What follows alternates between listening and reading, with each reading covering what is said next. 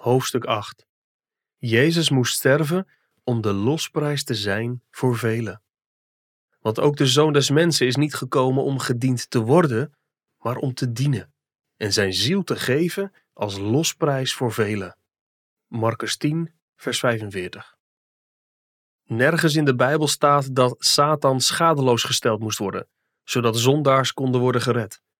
Toen Christus stierf, werd Satan niet beloond, maar verslagen. De Zoon van God werd mens om door de dood hem die de macht over de dood had, dat is de duivel, te niet te doen. Hebreeën 2 vers 14. Er werd niet over onderhandeld. Wanneer Jezus zegt dat hij kwam om zijn ziel te geven tot een losprijs, gaat het er niet om wie de losprijs ontvangt. Alle aandacht gaat ernaar uit dat zijn leven de losprijs is. Dat hij in vrijheid wil dienen in plaats van gediend te worden. En naar de velen die erbij zullen winnen dat hij de losprijs heeft betaald. Als we vragen wie de losprijs in ontvangst heeft genomen, kan het antwoord slechts zijn: God. In de Bijbel staat immers dat Christus zichzelf voor ons heeft overgegeven als een offergave en slachtoffer tot een aangename geur voor God. Efeze 5, vers 2. Christus heeft zichzelf smetteloos aan God geofferd.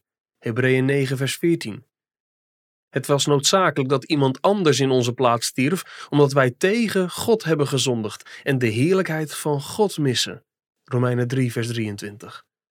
Vanwege onze zonde is de hele wereld doemwaardig voor God. Romeinen 3, vers 19. Als Christus dus zichzelf als losprijs geeft, zegt de Bijbel dat we bevrijd zijn van het oordeel van God.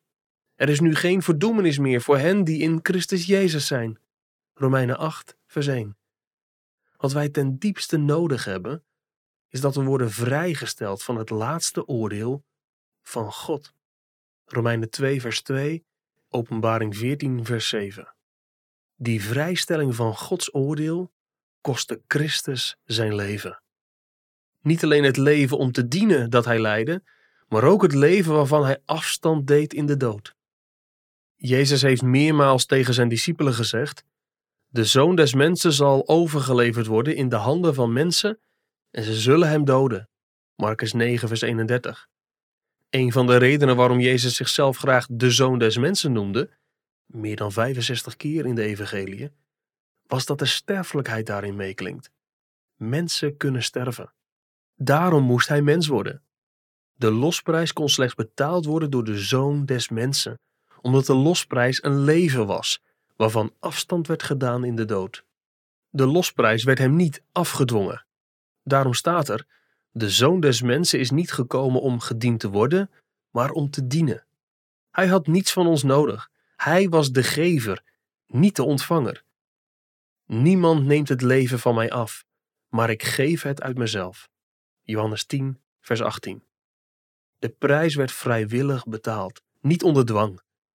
Daarmee komen we opnieuw bij zijn liefde uit.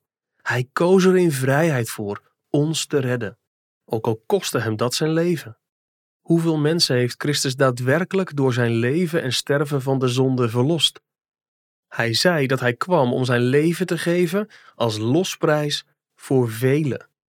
Niet iedereen zal ontkomen aan de toorn van God. Dat wordt iedereen wel aangeboden, want er is één God en er is ook één middelaar tussen God en mensen, de mens Christus Jezus. Hij heeft zichzelf gegeven als een losprijs voor allen. 1 Timotheus 2, vers 5 en 6.